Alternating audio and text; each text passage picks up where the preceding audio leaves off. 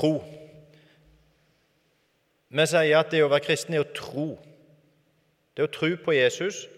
Tror du, så er du kristen. Tror du ikke, så er du ikke kristen. Og det er jo sant, det, men jeg har tenkt mye på hva, hva er å tro, da, i denne sammenhengen.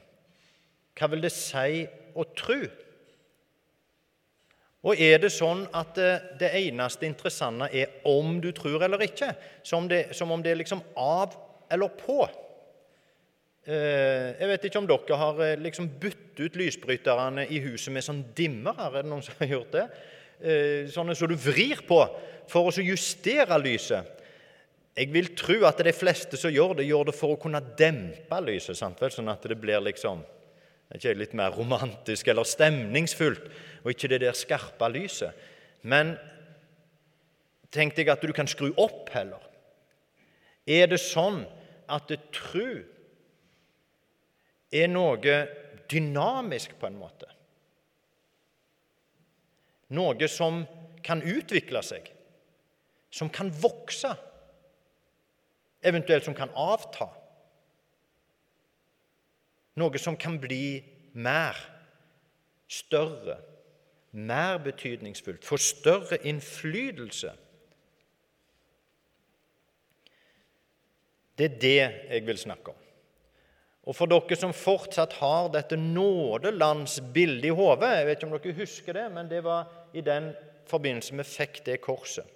Hvor vi snakket om liksom lovens land, og så gikk du igjennom korset inn i nådelandet så er det sånn at eh, vi kan bruke, og ofte gjør vi det, bruker vi liksom tid på å snakke om det å være i lovens land, eller, og det å bli frelst, og det å gå inn i nådens land. Det som vi nå snakker om, det er livet på den sida. Livet i nådelandet. Hva skjer med trua vår der? Og tru å tro at Jesus er Guds sønn, det er jo sånn som vi vanligvis bruker ordet, at vi tror, altså at vi Ja, fokuset er ikke det usik usikre i det. For vi bruker jo tro om noe som vi tror, og i, betydningen vi håper at det blir bra vær på 17. mai. Men det er jo høyst usikkert. Det er ikke, det er ikke den. Det er ikke sånn. Det er ikke en sånn tru vi snakker om med kristen tru. Hvis vi skulle brukt flere norske ord for å prøve å oversette flere av liksom, eller mer av betydningen av de ordene som brukes i Bibelen om tru, så måtte vi brukt ord som tillit, overbevisning eller overgivelse. Det å kunne stole på, betro og betro seg til, adlyde å adlyde er et viktig element i det bibelske trosbegrepet å etterfølge. Og Det er jo interessant at i, i misjonsbefalingen så, så, skal vi gå ut og gjøre alle folkeslag til disipler, står det. Det står ikke 'gå ut og gjøre alle folkeslag til troende', men 'gå ut og gjøre alle folkeslag til disipler' idet dere døper dem til Faderens, Sønns og Den hellige ånds navn, og lærer dem å holde alt det jeg har befalt dere. Lydighet. Det er selvsagt sånn, eller det er sånn, om det er selvsagt vet jeg ikke, men det er sånn at troen gis. Troen, frelsen, er noe som Gud gir oss. Det var han som kom på det, og det var han som gjorde det. Det var Jesus som kom til oss. Det var han som gjorde det som måtte til. Det var han som ofra seg for oss. Så vi må ikke misforstå og tenke at trua vår bygger på, på oss eller noe av det vi gjør. Men som truende, som noen som har fått trosgaven,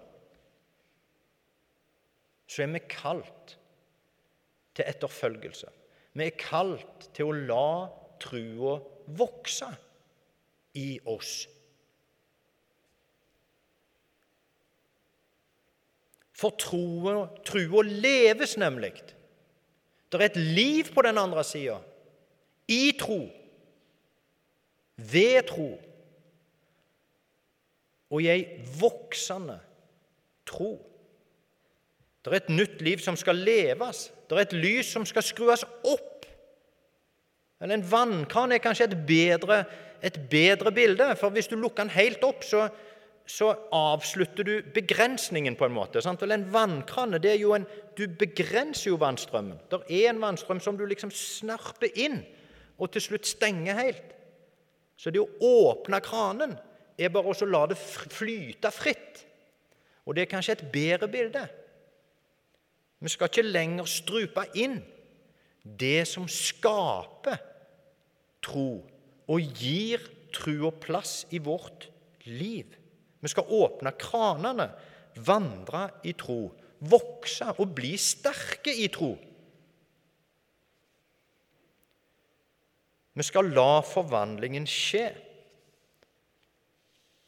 Når vi leser Guds ord, så er det det å la seg eh, være under hørelsen, da, som en, som en sa før, eller at det, det, å utsette seg for Guds ord, da, det er å åpne kranen. Det å være i fellesskapet, det å trofast møte opp der det skjer, det er å åpne kranen. Det å være døpt og leve i trua på at jeg fikk gaven, er å åpne kranen. Det å gå til nattvær, det å be, det å gjøre bestemmelser, overgi seg når Gud kaller, det er å åpne kranen. Det fortsetter med å bruke lys og mørke som et bilde på det å være kristen, eller det å, det å tro, da, eller ikke. Og det er jo kontrastene som tegnes opp. Eh, det er på en måte hvor det ender, som tegnes opp. Nå var, eh, For ikke så lenge siden så var størsteparten av menighetsrådet i Paris på en nettverkskonferanse. Så dermed er reklame for å sitte i menighetsrådet gitt. Eh, men i Paris så er det jo metro, sånn undergrunnsbane. Og vi eh, hadde jo ikke så mange dager i Paris, så vi skulle få med oss alt som Paris hadde å by på, i pausene, på en måte, eller etter at konferansen var over. Så vi var flittige brukere av metrosystemet på kvelds- og nattestid. Og da er det sånn at eh, for å komme rett, vel, så må du først gå på rette, rette linja. A, B, C, D, og de har fargekoder og sånn, for å vite hvilken linje du skulle gå på. Men når vi nærmer oss da i gangene den rette linja, så kommer vi til et kryss hvor det sto liksom gul og B begge veier. Og så sto det et navn under. Og det var selvsagt endestasjonen på linja. sant vel? Og så måtte vi jo vite skulle vi liksom mot den veien eller den veien øh, på linja. For du, du kan, toget går jo begge veier liksom på den linja. Du måtte vite endestasjonen. Det var en assosiasjon jeg fikk på dette med lys og mørke. Det er jo beskrivelse av endestasjon på linja. sant vel? Hva slags retning går du på toget, liksom? Den retningen som går mot mørket. Og det beskrives jo hva som er, og hvorfor folk liker mørk. Hvorfor vi liker mørket. Jo, for det skjuler, sant vel? Det vi har gjort, eller det vi vil gjøre, eller det vi driver med, blir ikke avslørt i mørket. Vi kan fortsette. Vi kan gjøre det mer. Vi kan lure og snike og lyge og bedra fortsatt. Mens lyset det er jo der det blir avslørt. Og det å bli avslørt er jo ikke nødvendigvis en god opplevelse. Men det er jo et spesielt avslørende lys. For det avslører jo med en hensikt. Det avslører jo ikke for å eh for, for, å sende til fortapelse. Sant? Det avslører jo ikke for å trykke ned og hovere over eller å liksom regjere over, men det avsløres for å lufte opp. Sant det avsløres for at det skal kunne legges av. For at vi skal kunne gå inn i et nytt liv. Det er jo en fantastisk med lys og mørke som på en måte bilder på det nye livet. For det nye livet er i lyset. Og lys og lett, og det er vi glad for, men det er jo i avslørelsen. Og det avsløres for å tilgis, for å rettes på, for å kunne gå videre likevel, selv om det er avslørt. Ikke gå mot lyset, sier er veldig sånn også har nær døden-opplevelser, og så går de gjennom en tunnel, og så ser de 'Ikke gå mot lyset', liksom. Kom tilbake til oss. Gå mot lyset, folkens. Gå mot lyset. Vi må velge retningen. Og vi må velge det som får oss rette veien, sånn at kranen åpnes Sånn at vannet får strømme, sånn at lyset får lyse. Sånn at livene våre blir avslørt og gjenoppretta. Apropos, jeg syns det er rart Jeg klarer ikke å forstå det helt. At uh, nå i forhold til uh, metoo og avsløringer, så er det høyt uh, akta kristne ledere som blir avslørt som, som i, i, skjul av på en måte Altså som har opptrådt usømmelig, uverdig, ufint mot andre mennesker. Under skjul av sin posisjon, på en måte. Som om det er prest eller noe annet. Det er jo et eh,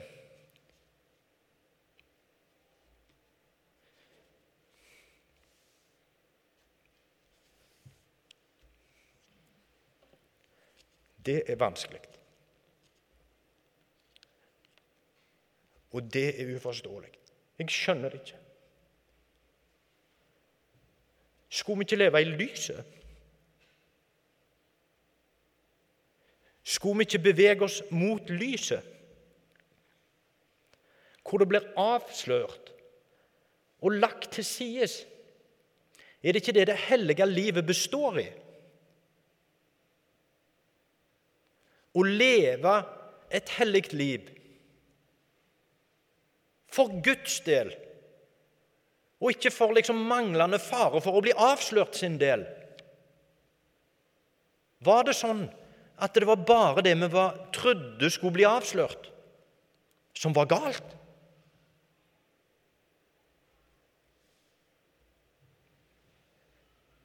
Var det ikke innenfra? Var det ikke av vår vilje at vi skulle leve i lyset? Alltid. Hele tida.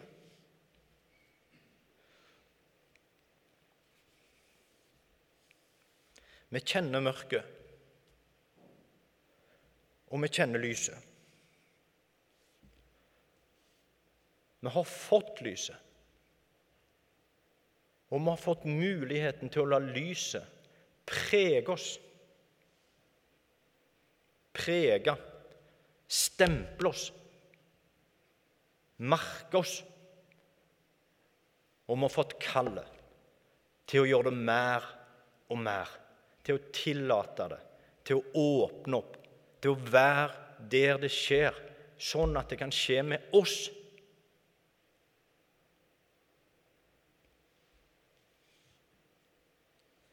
Hvorfor skulle vi ikke? Det lurer jeg på. Hvorfor leter vi til ytterkantene? Liksom, Hvor lite merka kan jeg være og fortsatt være kristen? Hva er det for en problemstilling? Det er jo akkurat som å si at hvor, li, hvor dårlig å sykle kan jeg være og fortsatt holde meg, liksom, uten å dette? Hvor få bokstaver kan jeg klare meg med og fortsatt ikke være analfabet, liksom? Hva med å tenke helt annerledes? Hva med å tenke at vi skulle beherske ordene, da? Og skrive poesi istedenfor å lete etter hvor dårlig kan jeg være og fortsatt være innafor?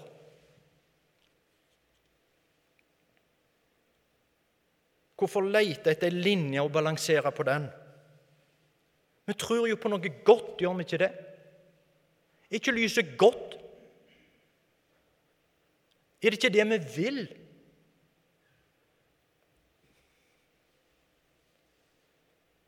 Det blir jo bedre og bedre når sola går opp. Og dagen kommer. Gjør det ikke det? Hvorfor skulle vi gå andre veien og se hvor langt vi kan tøye strikken? Vi er kalt til et liv i etterfølgelse. Et liv hvor vi vokser som kristne. Hvor trua utvikler seg og tar mer plass i oss. Preger oss mer. Overtar mer.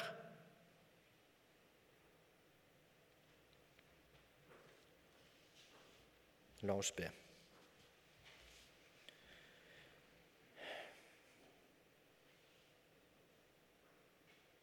Herre Jesus, takk for frelsen. Takk for troen. Takk for lyset. Takk for at du kom, og du gav det til oss. Vi har fått det. Herre, la lyset skinne. La Ånden strømme, og la det fylle hver en krok, Herre.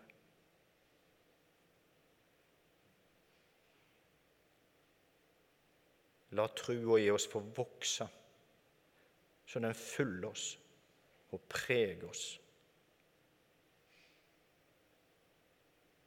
I Jesu navn. Amen.